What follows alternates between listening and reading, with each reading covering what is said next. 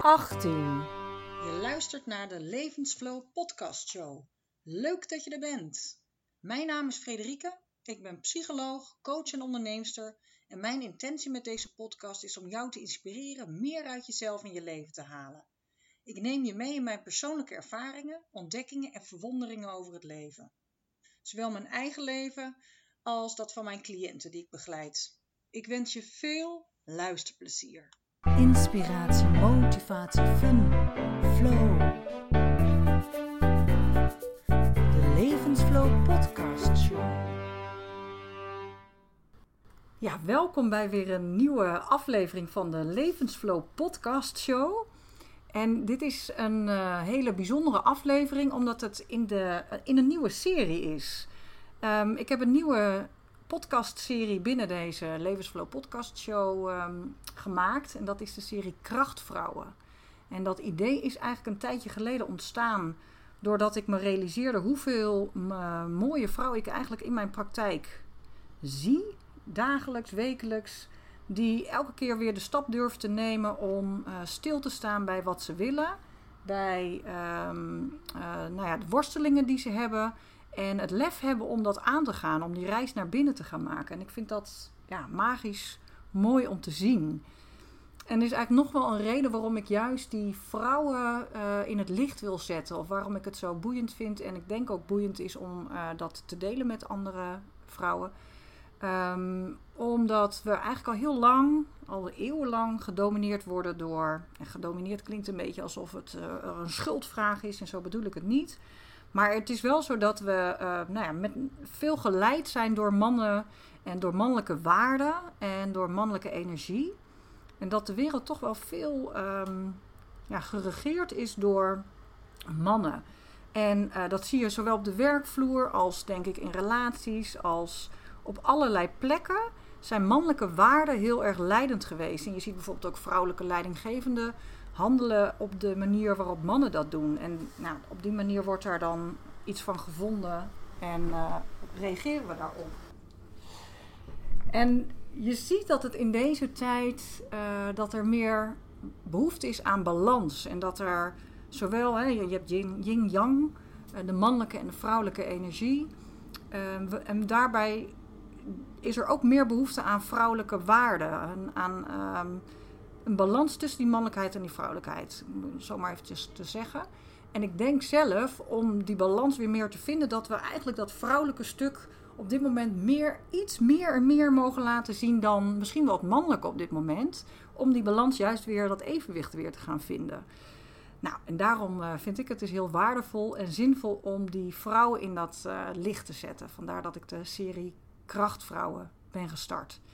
En ik zit hier vandaag met mijn eerste krachtvrouw. en dat is, uh, mag ik jou mijn naam en voornaam noemen? Ja, zeker. Ja. Ik zit hier met uh, Floortje Hendricks. En Floortje die uh, ken ik omdat zij bij mij een traject volgt, een programma volgt. En ik heb haar gevraagd omdat ik, um, nou ten eerste vind ik jou een, een onwijs leuk, open mens. een hele mooie vrouw. En ook dus een krachtvrouw, omdat jij uh, in alle openheid en ook met de twijfels die er zijn, dat uh, aangegaan bent. Om dat aan te gaan van, ja, wie ben ik nou? Hoe sta ik in het leven? Op een gegeven moment ook dingen op je pad uh, gekregen waardoor je vastgelopen bent. En ja, gewoon de guts hebt gehad om te zeggen, daar ga ik wat mee doen. Dus dat is de reden waarom ik jou onder andere gevraagd heb hiervoor. Dus welkom. Dankjewel. Ja, ik vertelde dus, ik gaf jou net zo die introductie um, over die mannelijkheid en die vrouwelijkheid en die mannelijke waarden en vrouwelijke waarden. Um, hoe zie jij dat? Hoe kijk jij eigenlijk tegen dat verhaal aan? Um, herken ja, jij dat? Of, ja. Of? ja, ik herken het wel. Het is niet zo dat ik er dagelijks last van heb, voor mijn gevoel. Uh, maar ik herken het heel sterk ik moet ook bijvoorbeeld echt meteen denken aan de tijd. Ik heb een tijdje in India gewoond. En hoe sterk het daar bijvoorbeeld is. Dat je echt als vrouw minder voorstelt. Uh, en dan denk je, ah, in Nederland hebben we dat niet. En, maar ondertussen gebeurt dat in weliswaar mindere mate. Maar nog steeds zo hard. En waar, waar zie jij dat? En misschien dan niet direct in jouw eigen leven of dingen. Maar waar zie jij dat bijvoorbeeld? Of waar hoor je dat dan? Of van vriendinnen of zo? Nou, een hele actuele voor mij is gewoon opvoeding van een kind. Dat ik toch wel merk dat de vrouwen automatisch het gevoel hebben dat zij het moeten regelen. En dat zij de speel zijn in het web en opvang moeten regelen en het werk moeten regelen. En ehm, ook al hebben ze allemaal mannen die echt, en ik ook, die echt hun aandeel willen leveren. Maar die verantwoordelijkheid en dat gevoel, dat Ja. dat bijvoorbeeld automatisch, zonder dat dat besproken wordt, toch meer bij de vrouw ligt. En is dat dan, denk je, ehm, iets wat wij als vrouw ook zo voelen? Want ze zeggen wel ja, maar dat zit ook in ons of in onze genen. Of dat is die zorg, dat zorghormoon of weet ik wat, wat, wat er allemaal niet van gemaakt wordt. Ja. Is dat dan ook een soort van ehm, wat wij onszelf aandoen, zeg maar, of wijsmaken? Of is het ook omdat die mannen toch daar iets minder rol in pakken? Ik denk dat het twee kanten op werkt. Ik denk dat het, dat, als ik het in ieder geval voor mezelf spreek, dat ik, eh, dat ik dat gevoel ook heel sterk heb. En dat zie ik ook wel bij eh, vriendinnen om me heen. Maar eh, dat het ook een wisselwerking is. En ehm, ook wel hoe meer je pakt, hoe meer die mannen achterover daarin gaan hangen. En, eh, ehm, dus ja, ik denk echt een wisselwerking. En, en geen schuldvraag zoals jij eerder al noemde, maar iets wat er gewoon heel diep in zit. Ja, dat, dat is het inderdaad. Het is geen schuldvraag, want het is ook niet van zij doen het fout. Of, want we kunnen onszelf natuurlijk ook gewoon bij de leur vergrijpen en zeggen van ja, hallo, oké. Ehm, maar wat kunnen wij daar dan zelf in? Hè? Wat, wat hebben wij daar dan zelf in te doen om die patroon? Want het is een soort patroon, het is een systeem wat ontstaan is. Ehm, wat misschien wel inderdaad zeker in bepaalde delen van deze wereld waar dat nog veel meer is. Hè? Die onderdrukking van vrouwen. Dat dat, ik, heb daar, ik heb me daar serieus echt wel, als ik daar echt over ga nadenken, zo over ver, verbaas ik Nou ja, verbazen, maar dat ik denk, wie of wat heeft ooit in zijn hoofd gehaald dat vrouwen die positie moeten krijgen en mannen die positie? En dat daar dus een ongelijkheid is. Ja. En dat, ja, ergens kan ik daar niet zo goed bij. Nee, dat snap ik wel. Nee, dat, dat, dat herken ik wel, dat gevoel. Ehm, Je hoeft ook niet de oplossing te geven. Nee. Het is niet de vraag Nee, van, nou, nee. zeg jij eens even hoe het zit, maar het is meer, het is meer gewoon dat, dat, ja, ik kan er daar dan, dan ik, ik vind het ook heel interessant om daar gewoon over na te denken, om het er met mensen over te hebben van hoe, hoe ja, kan welk het toch dat, stukje is eh, biologisch en welk stukje Ja. niet? ja, Dat, dat vind ik met name heel Ah, interessant. Want ik geloof wel dat we bi- biologisch hebben, zitten we anders in elkaar. Dat moeten we ook erkennen met z'n allen. ja. Maar goed, dat moeten we dus ook erkennen en daardoor ook bepaalde verwachtingen ook bijstellen. Ja. Want ik denk ook wel dat heel veel vrouwen daarmee veel te hoge eisen aan zichzelf stellen. Want ehm, alles moet kunnen. En op werk moet het perfect Ja. gaan. En je moet het thuis kunnen regelen. En eh, oh, leuk vrienden. En ja. dat. En dat, het grappig dat je, dat is niet per se een weg waar ik in wil, maar ik vind hem wel leuk eventjes om te benoemen over die biologie, wat jij zegt, hè? over die, die duidelijke man-vrouw verschillen. Want je zegt eh, eh, dat wij als vrouw dat dan eh, zeg maar moeten accepteren dat we niet alles kunnen, maar ehm, en dat we zijn hoe we zijn. Maar hoe, hoe zie jij dat dan? Ehm, wat ik heel vaak zie, zowel in mijn eigen leven, maar ook in de vrouwen die ik begeleid, dan gaat het ook heel vaak over relaties en ook over de, de relatieperikelen die daarin zitten. En dan komt er natuurlijk geheid altijd weer dat man-vrouw verschil en het, ook bijna het gevecht daartegen. En wat ik daarin wel toch vaak zie, is dat het vaker de vrouwen zijn die vechten tegen hoe de man is, om het zo maar te zeggen, hè, vanuit die biologie. Die, die hebben dan toch nog meer de drang om die man te kunnen veranderen dan dat die mannen die behoefte hebben om die vrouwen te veranderen. ja, grappig. Ja. Heel herkenbaar. Ja, hè? ja. Ja, wat is dat? Invloed willen uitoefenen? Eh, of dat mannen gewoon beter zijn om gewoon te zeggen, ja, zo is het. Ja, het is toch En, denk ik ja. ook weer die behoefte aan, eh, hè, die vrouw die wil het graag heel goed doen, die, eh, die heeft misschien toch een behoefte aan controle. Mannen kunnen makkelijker ehm, dingen loslaten. Eh, het zit hem ook heel erg in dat sociale stuk. Dus het, de angst voor de afwijzing. Als, vrouwen hebben meer last van angst voor afwijzing, de sociale afwijzing. Bij mannen zit het vaak meer in status en prestatie, eh, daarin eh, falen. Maar bij vrouwen is het heel vaak dat stuk van erkenning erbij horen. Ehm, dus van daaruit kunnen, zijn vrouwen veel meer gericht op voor iedereen het goed doen, aardig zijn, pleasen. Mannen die zijn wat minder bezig om te pleasen. Dus die durven Ja. veel sneller, bijvoorbeeld ook in die zakenwereld, kunnen ze, en dat zijn ook weer een beetje die mannelijke waarden. Ja, gewoon zeggen waar het op staat. Zint het me niet? Nou, dan doe ik het niet. Of dan, die zijn niet zo bang om die relatie te verbreken vrou- of, of te verpesten. Hè. Vrouwen zijn altijd bezig op de achtergrond om die relatie. Met, of dat nou met een collega, vriendin, een partner. Die, dat speelt altijd op de achtergrond. Oh ja, ja. Ja, ik hoorde het laatst nog iemand tegen me zeggen, maar dan zeg je dat toch gewoon? En dan gaat er bij mij alweer een rateltje aan. Eh, ja, maar kan ik dat wel maken? Kan ik dat wel vragen? Verdien ik dat wel? Hm. Ja, Ja, ja. Het was overigens ook een man die zei, dan zeg je dat Ja, toch gewoon? Ja, precies. Ja, ja, Ja. grappig.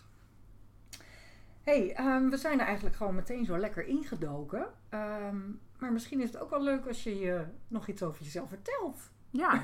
Eh, Oh, wie ben je eigenlijk? Ehm, ja, wat moet ik over mezelf vertellen? Eh, ik ben Floortje. Ik, eh, ik heb een relatie met Matthijs. We hebben samen een kindje, Mats. Ehm, bijna twee, nou ja, een paar maanden nog. Ehm, ik werk op een school. Eh, ik hou ontzettend van surfen. Ja, leuk hè, dat we toch beginnen over wie we zijn, welke kinderen we hebben, eh, hobby's. Eh, ik hou ontzettend veel van surfen, buiten zijn, naar de zee. Dat is echt mijn grote passie. Ja. Nou, wat dat betreft wonen we hier goed, hè? Zo in Ja. Haarlem. Ja, Ja. Ga, doe je dat ook wel regelmatig? Ga je vaak naar die zee? ja zodra het kan. Ja? Ja, En, want je deelt, Matthijs deelt die passie ook, geloof ik, hè? Dus Ja, dan, dat is heel leuk. Maar nu mijn kind hebben, ook wel jammer. ja. Dan is het vechten wie er mag. Nee, ehm, ja, ja, zoveel mogelijk. ja. En lekker eh, ook Mats, eh, ons zoontje, zoveel mogelijk mee en gaan. Ja, want wat geeft die zee jou? Eigenlijk wel een weerspiegeling van eh, wat het leven ook wel, wat ik tenminste wil voor het leven. Dat je gewoon, ehm, het geeft ontzettend veel ontspanning, opladen. En je bent actief bezig. En ja, wat ik lekker vind is de hard door de golven heen peddelen om naar achter te komen. En dan ook af en toe gewoon even rustig kijken en overzien van wat gebeurt er, waar, hoe komen de golven aan. En is het dan ook je mee laten dra- Ja. gaan met de golven? Of Ja. is het altijd hard werken? Nee, nee, nee. Het is, het is, dat vind ik het leuke. Het is hard werken. Maar als je dan eenmaal op die golf staat, ook gewoon genieten van Ja. het moment. En je vergeet alles. Alles. Wat een mooi, want je zei, noemde hem zelf als metafoor voor het leven. Ja. Want hoe, hoe kijk jij daar, hoe zie jij die metafoor? Ehm, nou ja, waar ik wel van hou in het leven is gewoon... Ik, ik hou het wel van om ergens voor te gaan. Ik, dat vind ik wel heel belangrijk in het leven. En dat is, nou ja, voor een golf ook. Ik bedoel, als je daar... Als je denkt, ja, misschien dan is die alweer voorbij voordat ja. je die golf hebt. Dus je gaat ervoor. En op het moment dat je gaat om in een flow terecht te komen en gewoon te genieten. En dat, dat is heel fijn. En het andere stukje dat ik denk, wat ik wel lastiger vind overigens nog, is om dus ook af en toe rustig te kunnen zitten in het water en gewoon te overzien wat gebeurt er nou eigenlijk. En ik denk dat dat ook wel eens belangrijk in je leven is. Ja, Maar dat is nog een leerpunt. ja. het bezinnen, moet de ja. stilstand. Ja, Ja. ja. Ah ja, mooi hè? Ja. Heel leuke metafoor, ja. Grappig dat je zo over die zee begint, hè? En over, de, over het surfen en ook over of het, ja, het, het, de activiteit, het vergaan. En je moet wel je kans pakken, want als je dat niet doet, dan eh, is die golf weer voorbij. Die Ja. golf vindt dat prima overigens, hè? Dat is ook wel weer mooi. Dat is waar. ja. Maar vaak de mensen om je heen ook. Maar Ja, jij zelf Wij niet. maken Ja. ervan dat we daar iets mee moeten, ja. Dat is wel weer eh, boeiend. Want wat als je. ehm, En we hadden het er net in het eh, voorgesprek al eventjes over eh, de dingen die, we, die interessant zijn om te vertellen aan de luisteraars. Ehm, en ik vind het wel mooi zoals je dat vertelt van ergens voor gaan in je leven. Want jij hebt vroeger gedanst. Je al van jongs af aan nou, Ja. merkte je dat je dat leuk vond? Of, of vertel, wil je daar eens wat over vertellen? Ja, eh, ik kan me niet anders herinneren dan dat ik dansen heel leuk vind, vond. Al vind, nog steeds.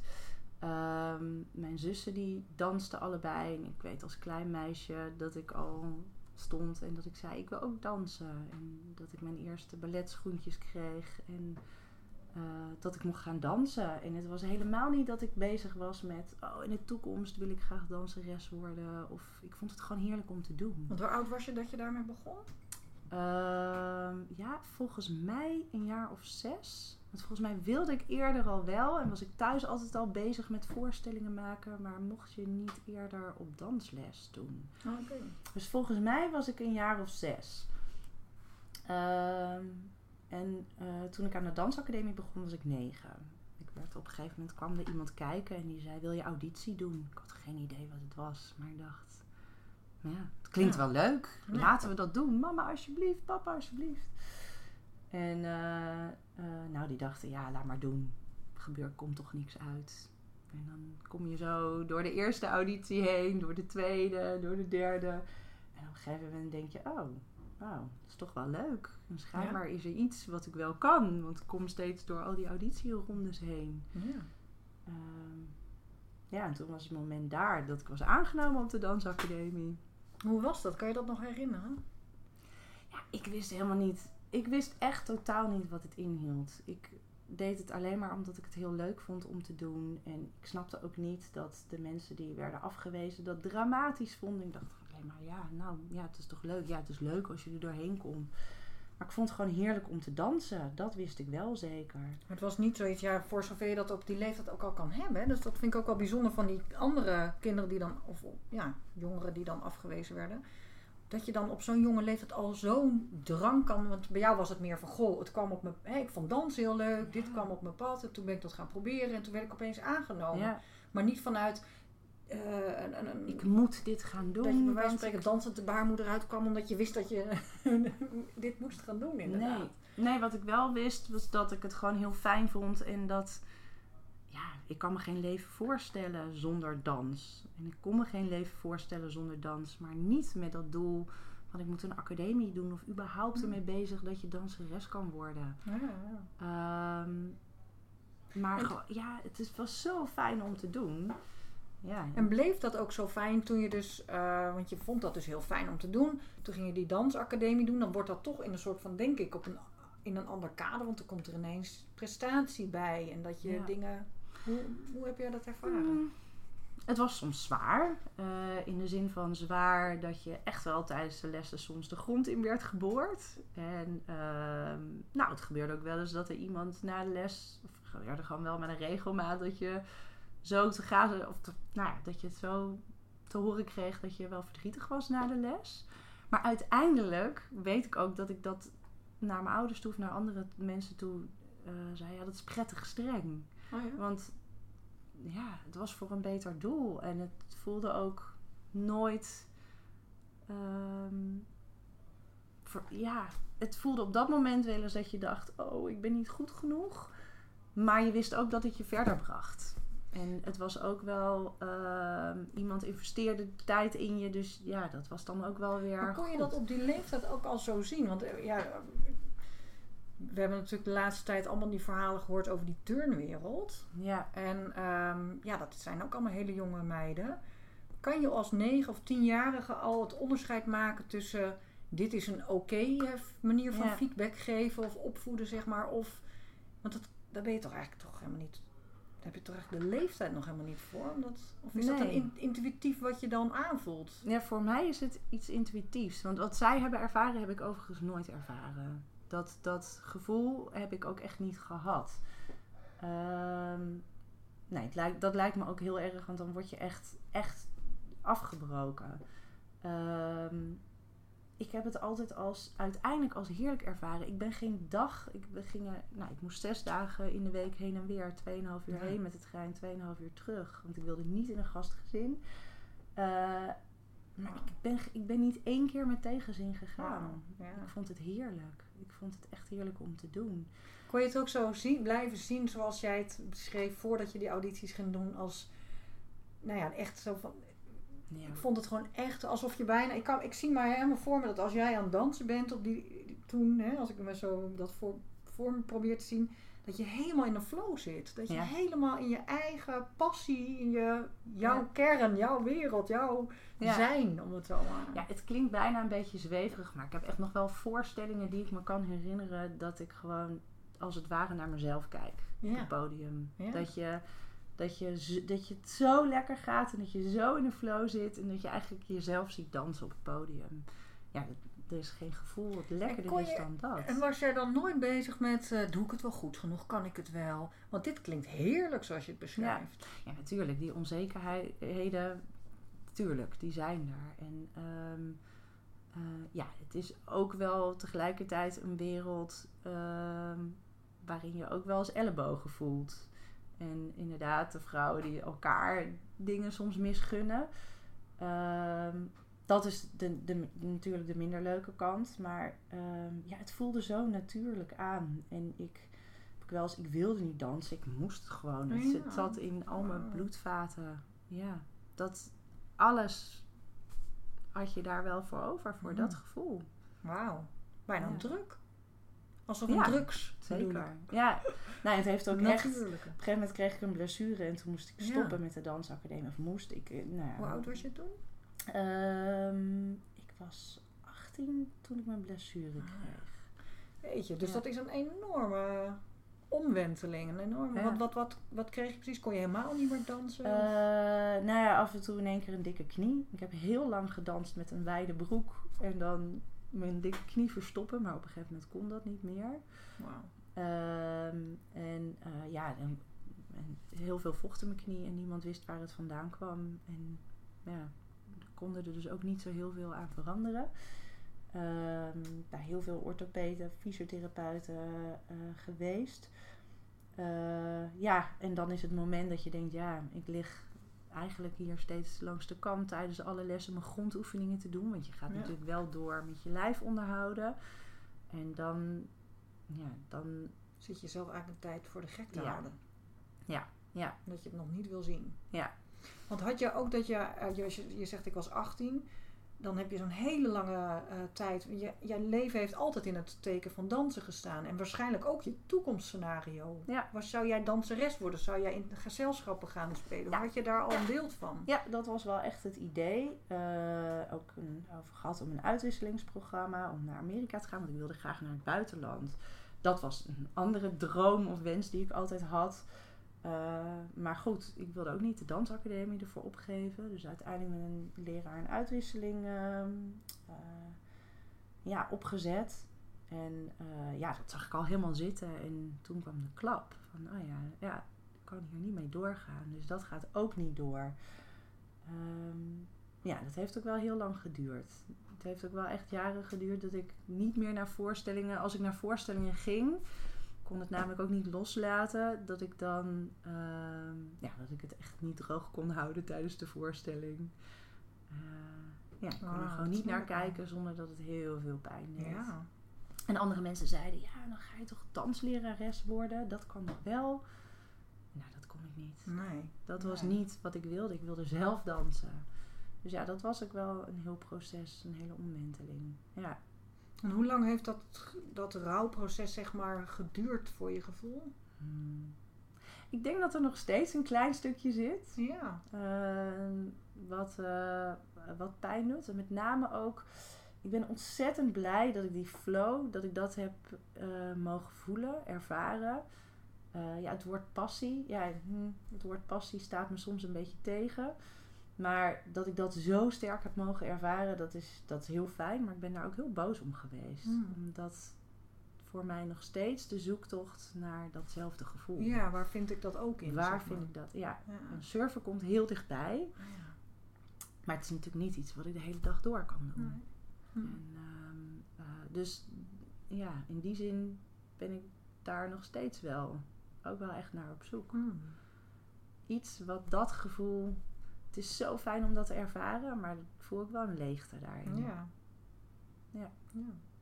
Dat kan ik me heel goed voorstellen, ja. Het is op zich wel natuurlijk ook een, een, een eh, carrière en een leven wat je nooit tot je zestigste volgens mij kunt volhouden, of wel, dat dansen? Nee, nee. Vaak hoor je wel dat dansers eh, rond een dertigste of zo. wel. Ja, ja, er zijn een aantal dansers die langer doordansen. Dus en dat weet je ook altijd hoor. Dat, dat, het is ook niet zo dat ik altijd in mijn hoofd had van, oh, dat is mijn beroep. Zo heb ik Hmm. maar, nou ja, Nee, maar het feit dat, Dat je, dat je het niet meer zo beroep. intens kunt doen zoals je dat altijd gedaan hebt, is natuurlijk. Ja, daar, Ja. Want nogmaals, Ja. jij was ook niet zo bezig met dat carrièrepad, maar meer met het in die flow zijn. Ja. Dat, dat voelen van dat. Ja. Is ook natuurlijk een stuk makkelijker. Dat realiseer ik me nu ook. eh, tot en met je negentiende om helemaal in die flow op te kunnen gaan. Hm. Ja studentenkamertje Ja. moest ik onderhouden. En leven verder is ook je- allemaal nog wat Eh, Ja, het overzichtelijker. leven is heel overzichtelijk. En geen kinderen of, of geen gezin. Ja. Ehm, want, ja, laat ik heel eerlijk zijn, ik kreeg er ook heel veel voor terug. Toen ik stopte met dansen, kon ik reizen. Oh ja. Kon ik, kon ik dat soort Ah, dingen ja. doen. Dus er, is, er zit ook een andere kant Ah, aan. ja. Zeker. Maar ehm, ja, het was een hele omschakeling. Ja. Hey, en als je het dan hebt eh, over ehm, eh, hobbels op je weg, hè? Ja. Ehm, want ik zit eventjes te denken, jij volgt bij mij het eh, groepsprogramma Leiderschap, Lef en Levensflow. En eh, we zijn daar in januari mee gestart. Normaal gesproken is dat een half jaar, maar omdat we corona oh, in ons schoot kregen, zijn we allemaal wat langer met elkaar onderweg, wat eigenlijk heel fijn is. Ja.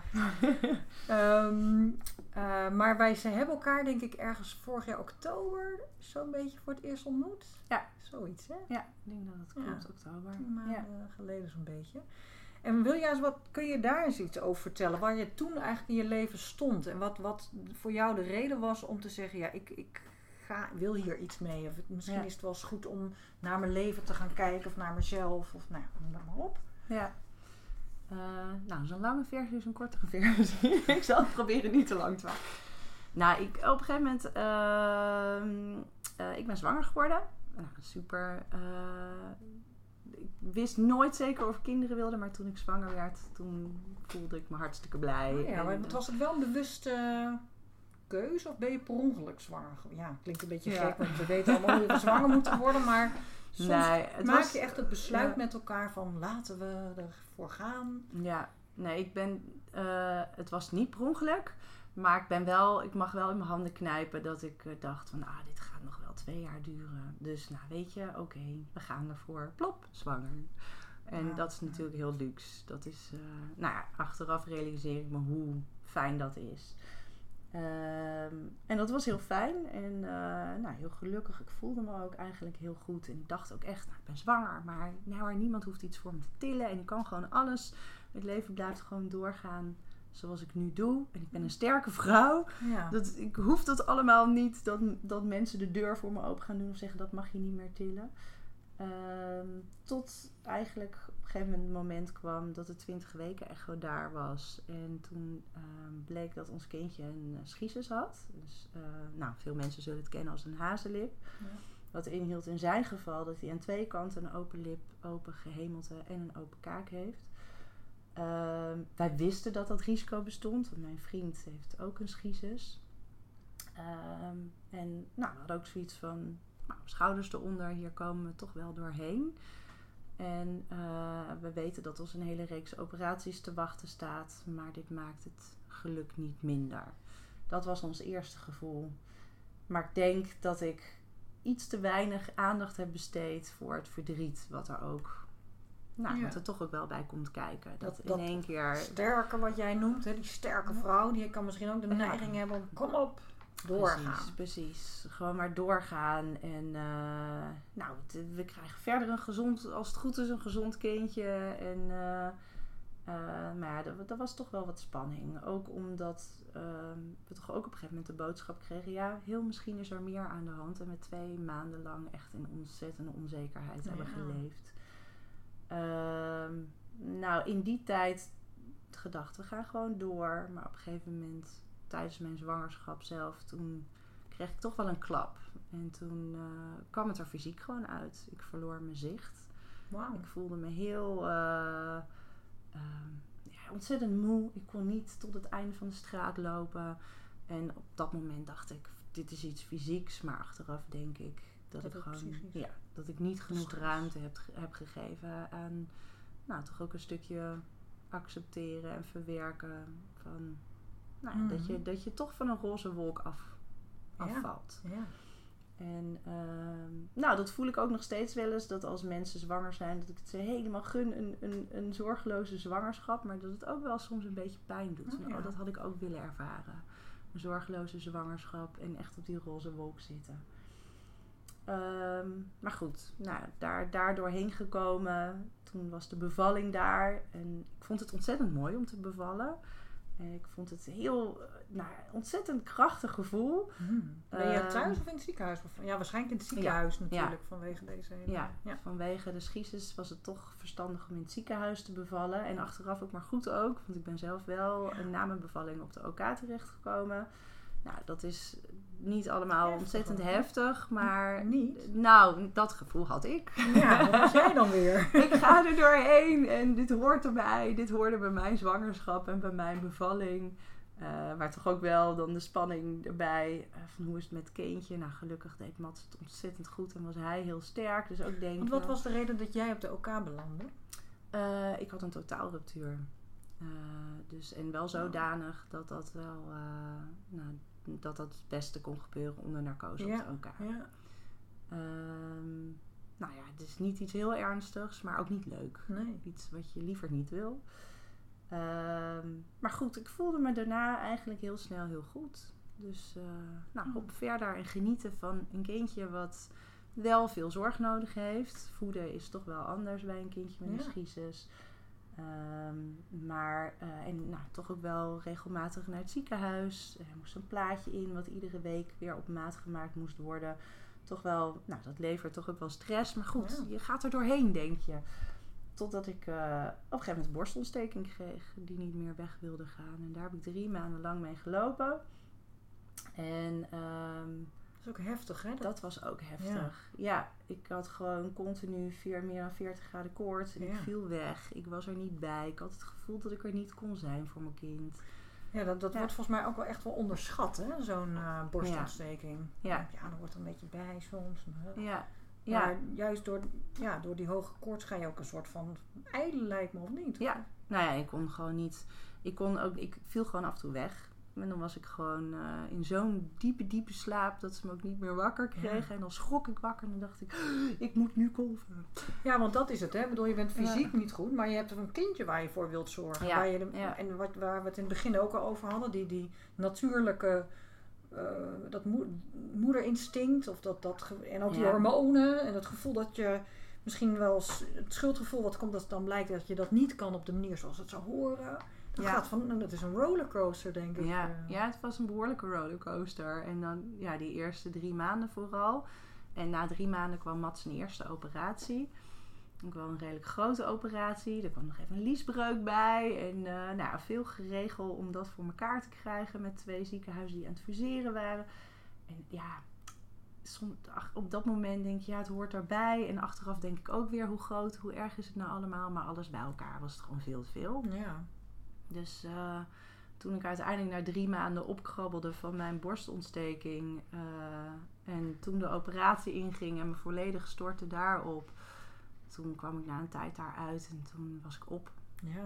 Ik was gewoon helemaal leeg. Ik was fysiek op, maar ik denk ook mentaal helemaal op. ja. En eh, nou, dan denk je, ga door en dat komt wel als ik me fysiek weer wat sterker voel. Hm. maar dat punt kwam niet helemaal. En toen kwam ik uiteindelijk bij jou terecht. Ja, want is dat dan een beetje op dat punt geweest dat je dacht, ik eh, ga zo rondkijken of ik hier hulp bij kan krijgen? Of... Ja, ja. Ja. Ik toch dacht van, ah ja, gun mezelf dit nou eens. Ik, ik hoef dit niet Ja. alleen te doen. Ik hoef dit Nou niet. Ehm, ja, ik gun mezelf hier de tijd voor. Ik heb mezelf lang genoeg voor de gek gehouden en gezegd, ik blijf doorgaan en ik kan dit. Nu Ja. duurt het te lang. Hier moet ik wat mee. Ja.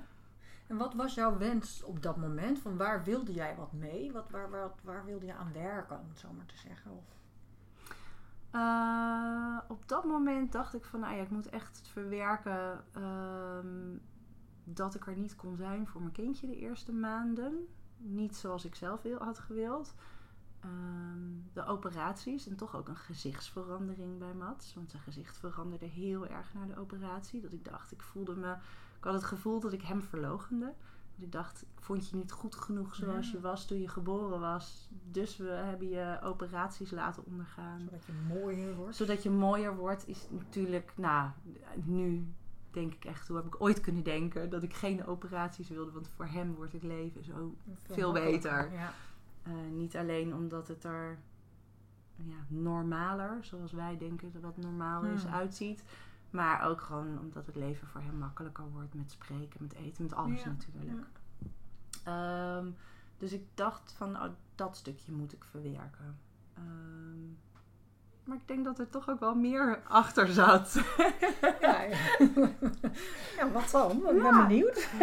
Eh, ja, toch ook wel. Nou de, het verdriet van het dansen kwam volgens mij een van de allereerste keren dat wij met z'n allen samen kwamen naar boven. Eh, toch het missen van de passie. Het, ik merkte dat ik al die tijd zo bezig was geweest met het zorgen voor Mats. En, en inderdaad het in dienst stellen van het gezin. Dat ik mezelf heel erg was vergeten. Ja. Terwijl meerdere mensen al hadden gezegd: ga nou eens tijd voor jezelf nemen. Ja, ja, dat doe ik ook. Ik drink af en toe een kopje koffie voor mezelf. Maar het echt gunnen Hmm. deed ik nog steeds niet. Dus dat echt gaan zien of gaan voelen, zelf gaan ervaren dat je daar behoefte aan had. Of dat dat misschien wel waar was wat die mensen zeiden. Dat besef is wel meer gekomen. Ja, en, en meer voor mezelf opkomen. En ik dacht dat ik dat heel goed kon. Eh, ik durf mijn mond wel open te trekken. Ik durf gesprekken wel aan En te gaan met mensen. die je net al beschreef. Ehm, maar ik kwam er toch achter dat ik dat een stukje lastiger vind voor me, om voor mezelf te doen Hmm. dan bijvoorbeeld ehm, voor mijn kind.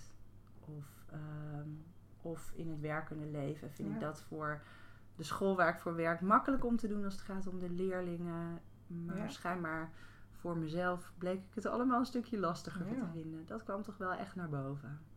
Ja, mooi eigenlijk. Hè? Dat, er wordt wel eens gezegd als je coach bent of psycholoog. ehm, eh, wat was ook weer de uitspraak? Ja, verkoop them wat ze willen, maar geef them wat ze nodig hebben. Dat klinkt een beetje hè, van als je iemand ehm, voor het eerst ziet, die heeft een bepaald vraagstuk of een bepaald probleem.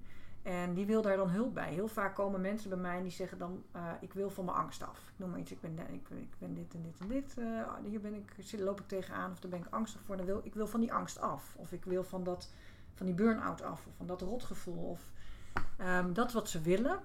En dan, eh, natuurlijk, dat, dat, dat luister je of dat hoor je aan.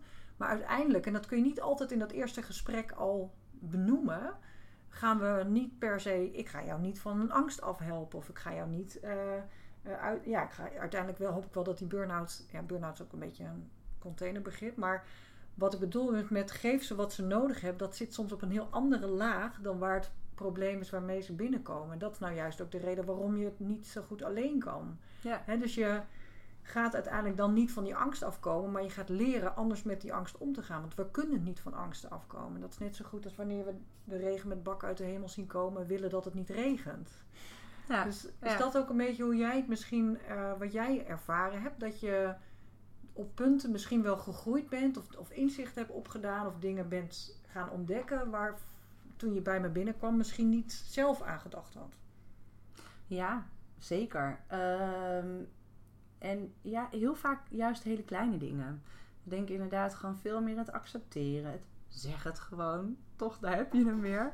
Ehm, als je iets, ja, als iets je dwars zit. En ehm, eigenlijk dingen waar, waarvan je denkt, ja, hoe moeilijk kan het zijn?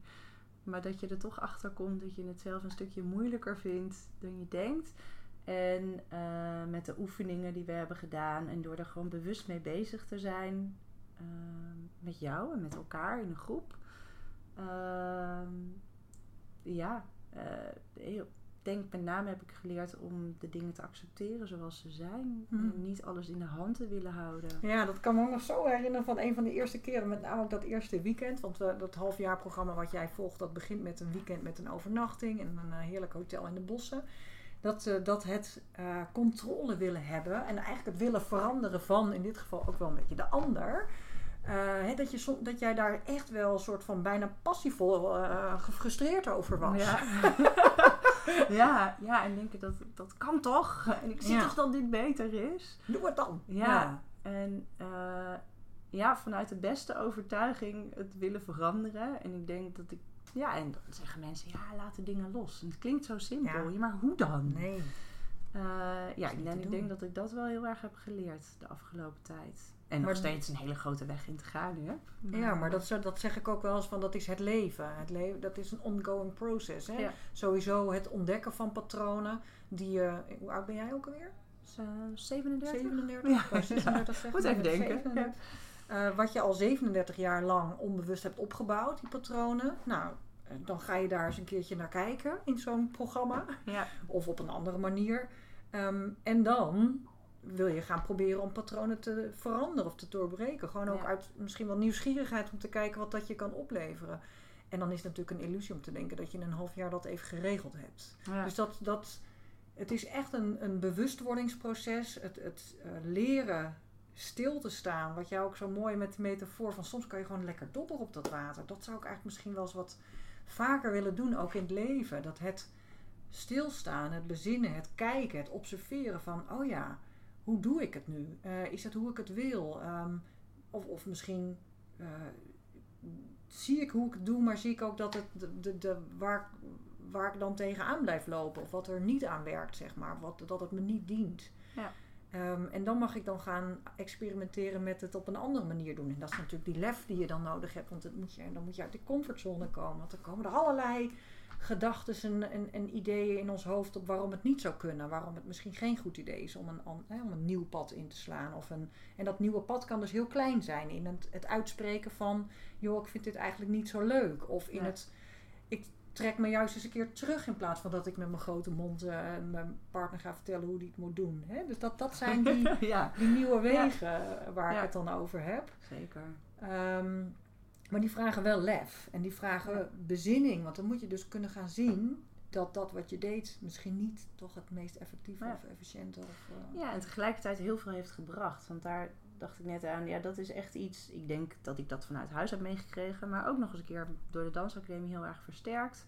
Het is nooit goed genoeg. en Het kan altijd beter. Ja. Dus, en als dus iets niet lukt, dan ga je het nog harder proberen. Dan ga je Ja. nog meer oefenen. En dan lukt het uiteindelijk wel. Nou Ja, met sommige dingen werkt het dus niet zo. Nee, Want ik had, eh, ik had vanochtend een eh, wandelcoaching. Eh, Zoals je weet, wij gaan ook vaak eh, als we de één op één sessies doen, lekker wandelen. Ik had vanochtend ook een wandelcoaching. En toen gebruikte ik ook de metafoor van het drijfzand. Als, eh, we zijn vaak zo geneigd dat als iets niet lukt, gaan we harder werken om het wel te laten lukken. En als je dat, ja, soms ook vanuit, ik noemde bij haar het voorbeeld vanuit, soms kun je in een soort van, oh jeetje, er komt iets op mijn pad, een soort van bijna in paniek. En dan vanuit de paniek ga ik maar oplossingen proberen te bedenken. Want er moet een oplossing komen. Ik wil niet voelen wat er te voelen valt. En dat, eh, dat is als eigenlijk in drijfzand proberen eruit te komen. En op het moment dat je in drijfzand gaat bewegen, dan zak je verder naar, dan word je naar beneden gezo- gezogen. Want dat is nu eenmaal het effect van drijfzand. Ja, Dus als je in dat drijfzand als het ware je kunt overgeven, dan ehm, ten eerste blijf je langer boven. En dan heb je dus ineens weer dat je je blik naar buiten kunt richten. En dan zie je ineens misschien wel een tak waar je je aan vast kan grijpen, waardoor je jezelf eruit kan trekken. Of je, nou ja, er loopt misschien net iemand langs die je kan roepen. Terwijl ehm, dat is wat we heel vaak niet doen. Hè? Dat, we zijn vaak zo bezig om onszelf eh, eigenlijk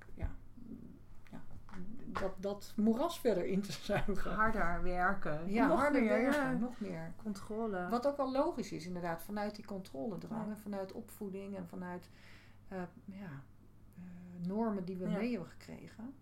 En het is heel leuk, want het is heel makkelijk om dat tegen anderen te zeggen. Vind ik zelf, van een afstandje. Maar je zit er zelf in en je denkt, ja, maar dit, dit is echt, ik ben nu, ben nu toch heel hard bezig. Ja, Ja, laat het maar eens los. ja.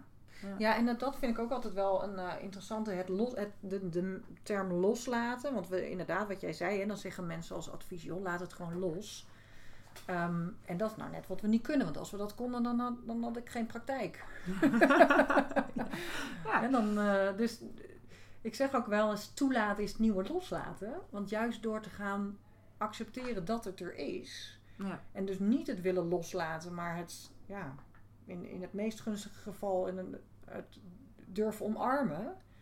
Ehm, dat, dat, maar dat is wel, daar heb je dus wel lef voor nodig. Dat moet je durven voelen. Dan moet je echt kunnen zeggen van... Oh, nu ga ik eens even in een bad van ongemak zitten. Of in een bad van angst. Of een bad van schaamte. Ja. ja.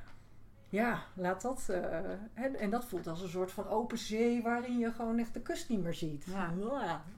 Maar kan ik me daaraan overgeven? Dat is overgave. Ja. En van daaruit kijken wat er weer kan ontstaan. Ja, en wat mij opvalt is dat we het makkelijker kunnen als er iets heel aanwijsbaars is waardoor we kunnen zeggen: dit is er aan de hand. En Hmm. iedereen kan zien hoe erg het is. En dan mag je je overgeven en dan mag je dat verdriet voelen. Ja.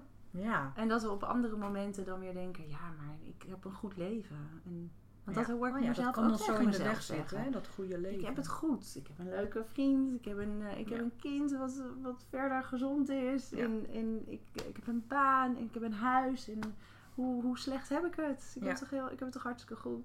Maar dat is ook interessant en dat ze- zeker misschien wel ook in het kader van de mannelijke en de vrouwelijke waarden. Of ik weet niet of het met mannelijke en vrouwelijkheid te maken heeft. Maar het is wel zo dat we, ehm, dat is ook al een beetje iets in het Westen, dat we geluk hangen aan die uiterlijke, die, bui- hè, die, die, die dingen die buiten ons liggen. De leuke baan, het mooie huis, het fijne gezin, de leuke partner. Ehm, want we hebben een soort van idee met elkaar gecreëerd dat dat is wat gelukkig maakt. Hè, als je dat allemaal maar geregeld hebt, dan Ja. ben je gelukkig. En dan is het dus ook, ja, maar als dat allemaal geregeld is, dan zou ik dus eigenlijk niet ongelukkig mogen zijn. Wat raar, dat, wat, wat, wat ben ik ondankbaar. Ja, precies dat, dat. eh, op je pad. Dan ben ik een zeur. Ja, maar dat is omdat we het concept geluk hebben opgehangen met z'n allen aan Ja. dat stuk. Aan Ja. succes, aan, aan, aan uiterlijkheden, aan materiële dingen, aan, nou ja, noem het allemaal maar op. Ook natuurlijk in, in, in verbinding met anderen, maar eh, ook in dat hele plaatje. Ja. En eh, het werkelijke geluk, en dat is ook wel waar ik in mijn programma's eh, en in de coaching natuurlijk met mensen over heb, is dat werkelijke geluk zit uiteindelijk in jouzelf en in die kern, in, in de zelfacceptatie en Ja. het kunnen zijn met wat er is. Niet alleen het kunnen zijn met jezelf, met wat is, maar ook wat het leven. Het leven heeft geen plan. Het leven. Eh, het is niet zo dat we recht hebben op een bepaald leven. We worden niet geboren met het recht op een bepaald leven. Zo van, nou, eh, ik ben geboren en ik heb recht op dit en ik heb recht op dat. En ik, nee, zo werkt het niet. Het leven Ja. gebeurt gewoon en daar hebben wij ons pad in te vinden. En hoe meer wij in staat zijn om te kunnen accepteren dat dat het pad is waar wij op wandelen en mee kunnen in die flow, ja, hoe makkelijker dat Maar en mooier dat eigenlijk wordt. iets wat ik overigens echt een aantal kinderen die ehm, het echt heel, nou, in mijn ogen heel zwaar moeten hebben gehad, in India wel echt heb geleerd, die zo gelukkig konden zijn met zo weinig. Ja, ja. En zo accepteren hoe het is. Bijzonder, hè? Dat, ja, ja, Dat is echt leerzaam eigenlijk ja. voor ons. heel leerzaam. Ja. Ja. Hey, wat, ik, wat ik ook nog eh, aan je wilde vragen, of wat ik. ehm, eh, we hebben het natuurlijk over die eh, eh, sterke vrouwen, eh, de krachtvrouwen. Ehm, jij bent op een gegeven moment in dat programma ingestapt. Wij hebben elkaar gesproken. Je was aan het overwegen: zal ik het één op één, zal ik het in een groep gaan doen? Eh, die overweging nemen heel. Niemand zegt bijna meteen: oh ja hoor, doe ik wel in een groep. Ehm, ben jij blij dat je, het, dat je in een groep bent gegaan? Ja, ontzettend. Terwijl ik echt dacht, ja, maar wat ik, waar ik doorheen moet, ehm, het verwerken onder andere van de, de, van, ja, de schiezers bij Mats, of in ieder geval wat het allemaal met zich meebracht en de zwangerschap. Ik dacht, ja, dat is iets van mij persoonlijk en dat, ja, wat heb ik dan aan een groep? Eh, maar ik ben achteraf zo blij dat ik het groepsproces ben ingestapt. En juist omdat ik heel erg zie ehm, dat het dus om een stukje verder gaat. Het gaat niet alleen maar om dat stukje inderdaad. Het gaat om het accepteren van hoe de situatie is. Het gaat om het accepteren nou, dat ik zelf niet alles kan. En dat ik heel erg terugzie bij de anderen in de groep. Oh, anderen zitten met hetzelfde dilemma. In oh, misschien net een iets andere vorm, maar die herkenbaarheid. En ehm, ja, daar ook wel in een stukje steun bij elkaar.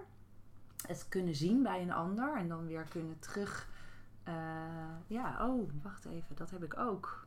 Daar, heb ik, daar leer ik ontzettend veel van. Ja, en wat ik ook heel fijn vind is dat we dus buiten de dagen dat we hebben afgesproken ook bijvoorbeeld wel eens contact hebben met de anderen of ben gaan wandelen met de anderen om ook dat moment voor jezelf te creëren. Ja, leuk. Dat je toch Ja. samen in een proces bezig bent. En ehm, ja, is toch ook wel waardevol om dat dan te delen met iemand waarvan je weet. Dat je ze door hetzelfde proces. je ja. gaat nu door hetzelfde. Niet exact hetzelfde, maar hetzelfde gevoel. Ja. Eh, ja, en een stukje wat je terugkrijgt van de anderen. Leuk. Ja. Mooi. Ik vind dat heel waardevol. Ja, ik vind dat ook heel leuk om te- terug te horen. Want dat is ook eigenlijk wat ik steeds zelf. Ik, ik weet, dat heb, heb ik ook nog wel een vraag over. Maar wat ik zelf. Ik, als ik dan met jullie samenwerk, als we dan zo'n dag hebben met elkaar. ehm, ja, ik, vo- ik voel dan echt die kracht van die energie van al jullie, eh, hè, van al jullie individuen bij elkaar. En ehm, zoals laatst ook iemand uit de groep het zei. Hè, van, eh, ik, zij zei, ik heb altijd wel een beetje moeite gehad met groepen. Ehm, en maar als ik dan later straks in mijn leven nog eens een keer in een groep kom waar ik me minder op mijn gemak voel, dan denk ik weer terug aan deze groep en dan weet ik dat ik gewoon onder dat ik het wel kan. Of dat het mogelijk is dat je met elkaar zoveel warmte, liefde, gelijkheid er gewoon mogen zijn zoals je bent. Dat dat mogelijk is. Ja. ja, en juist ook dan bij die mensen denken: hè, heb jij moeite met. Oh wauw, jij hebt het ook. Terwijl Ja. het zo anders overkomt. En dat is, dat is ook heel mooi om te zien binnen de groep. Ja. Ja, ja echt. Ja, ik weet ook nog wel inderdaad van de groep voor jullie. Dat, eh hè, je hebt natuurlijk dat moment dat je elkaar allemaal ontmoet. Op die, eh, als we dan in dat hotel zijn, daar in Doren. En ehm, dat dan, eh, ze kwamen in die trainingsruimte. En toen zei iemand dat geloof ik ook op een gegeven moment van... Ja, ik zag jullie allemaal aankomen lopen. En ik dacht echt... Maar waarom moet jij dan meedoen? En waarom moet jij dan? Want jullie- jullie zijn toch allemaal van die hele krachtige vrouwen? En terwijl zij dus zelf ook zo'n mega krachtige vrouw is. Want ik weet nog wel, zij was toen eh, in die groep de eerste die zich had aangemeld. En zij was ook een beetje mijn referentie. Want eh, ja, je begint natuurlijk met één iemand. En van daaruit ga je een groep samenstellen. Ja, min of meer. En ik vond haar ook een mega krachtige vrouw. Dus ik vond het ook zo bijzonder. Dat dacht ik, oh ja, dus jij voelt dat ook zo. Jij ziet anderen ook als, waarom moet jij dan meedoen?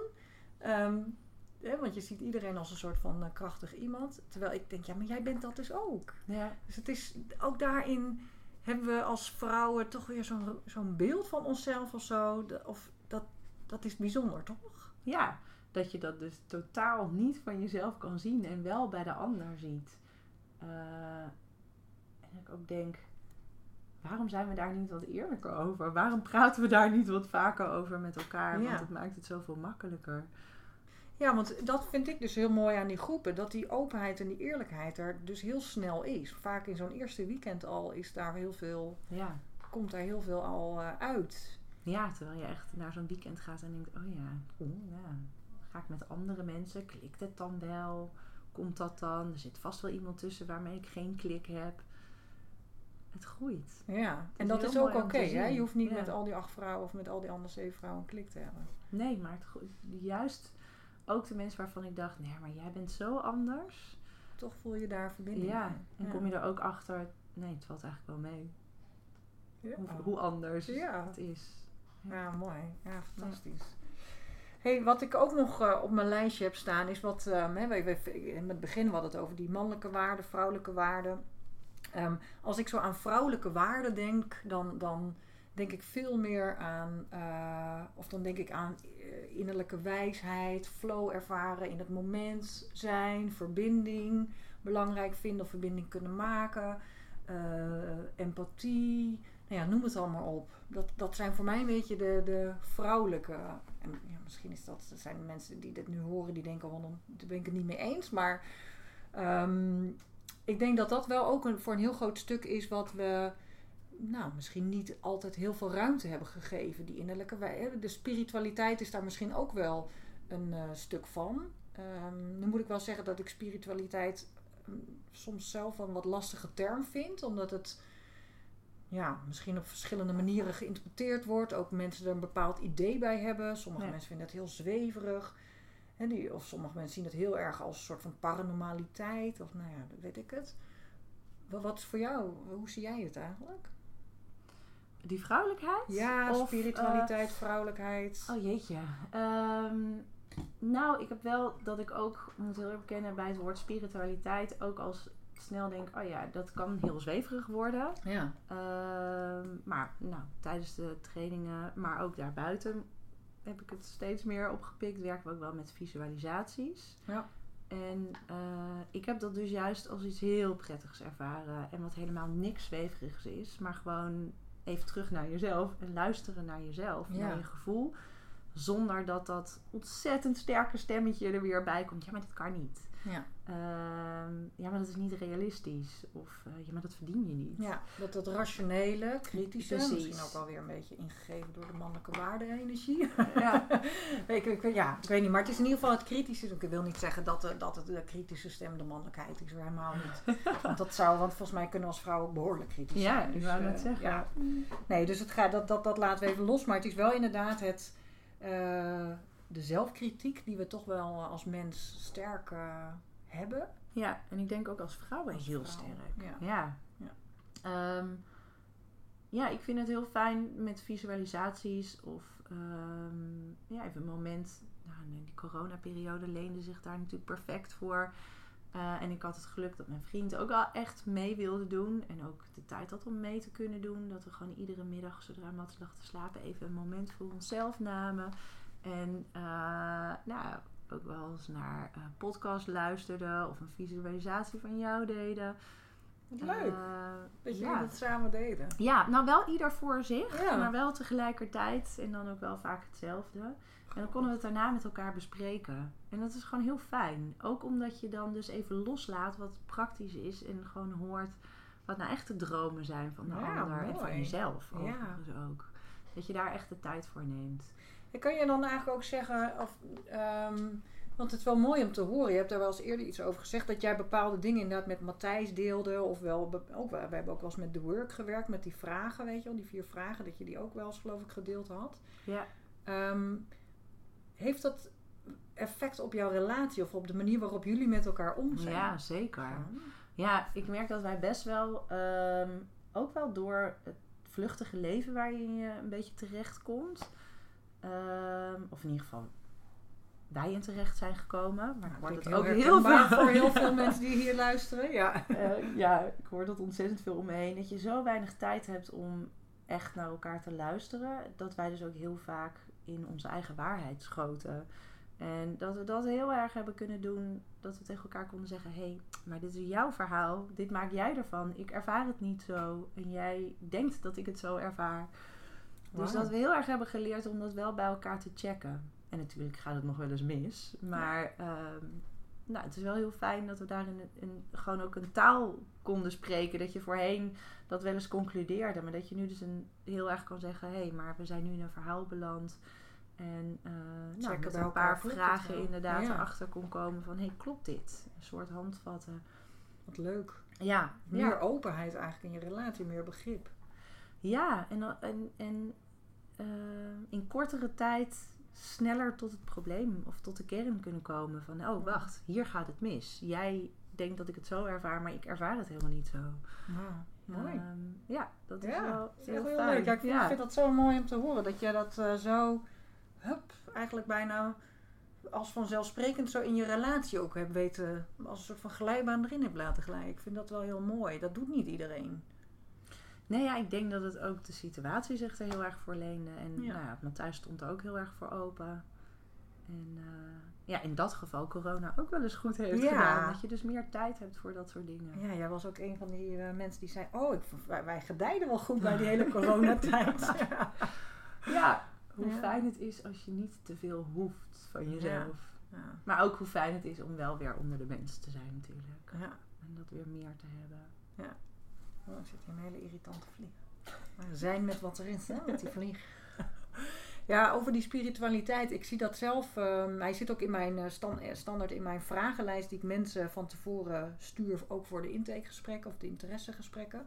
En daar zit ook een kopje spiritualiteit slash bewustzijn. En voor mij is het dus eh, heel erg, hangt het samen met bewust stil gaan staan bij wat er is, bij wat je voelt ook. Heel erg het verschil tussen hoofd en, en, en, en voelen. Het lijf vergeten we nog wel eens. En ehm, het is mijn eh, intentie, of eh, ik, zie dat, dat het heel belangrijk is ook om dat lijf mee te nemen. Jij hebt als danser waarschijnlijk al eh, veel meer connectie met je lijf, maar heel veel mensen hebben dat niet. Of, en, en emoties kun je heel erg in je lijf voelen. En wat we het vaak doen, is dat we er meteen in ons hoofd een verhaal van maken. Dus ehm, voor mij is heel, heeft spiritualiteit heel erg te maken met bewust kunnen zijn met wat er is. Maar ook inderdaad door middel van die visualisaties contact maken met die zee van on, onbewustheid, hè, waar heel veel wijsheid, kennis, handvatten, er zoveel mogelijkheden zitten in dat eh, stuk onder dat als je een ijsberg voorstelt, waar wat, die metafoor wordt zo vaak gebruikt. Daar waar we toegang toe hebben, is dat wat boven water is. Dat is ons bewuste, of in ieder geval onze ratio, onze, nou, wat we geleerd hebben. En daaronder zit zoveel waar we vaak niet bij kunnen als we in ons hoofd blijven hangen.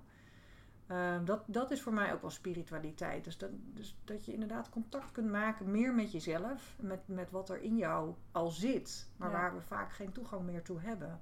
Maar wat er wel, ehm, al, wat er gewoon is. Ja. En uh, wat dus ook inderdaad weer kan zorgen dat we ons gelukkiger voelen vanuit die hè, die kern die we zijn, vanuit uh, dat wezen wat we zijn. En niet vanuit dat wat er in die buitenwereld allemaal wel of niet goed geregeld is. En dat, dat, dat, uh, nou, dat is voor mij denk ik spiritualiteit. Ja. Ik weet niet of dit heel vaag klinkt. Maar... Nee, helemaal niet. Ja, en denk vooral dat bewustzijn, wat jij, dat vind ik dus ook een mooi woord daarvoor. Bewustzijn van de dingen die dus onbewust spelen. En ik weet dat we bijvoorbeeld ook wel eens met een kaart hebben gewerkt. Dat je kijkt van, nou, dat, ik doe het thuis nog steeds af en toe. Dat ik gewoon even een kaart voor mezelf trek. En dat zijn gewoon hele mooie, wijze uitspraken ja. die daarop staan. En, maar het leuke daarvan vind ik dat je dan de rest van de dag of week er gewoon bewust af en toe bij stilstaat. Van hé, hey, ah, nu herken ik dit. Nu herken ik wat er op de kaart stond. Ah, het kan van alles en nog wat zijn.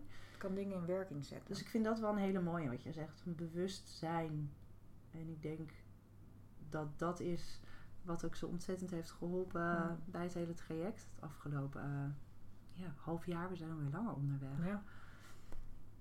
Ja, we zijn, uh, want we zien elkaar eind september weer, dus we zijn al negen maanden bijna.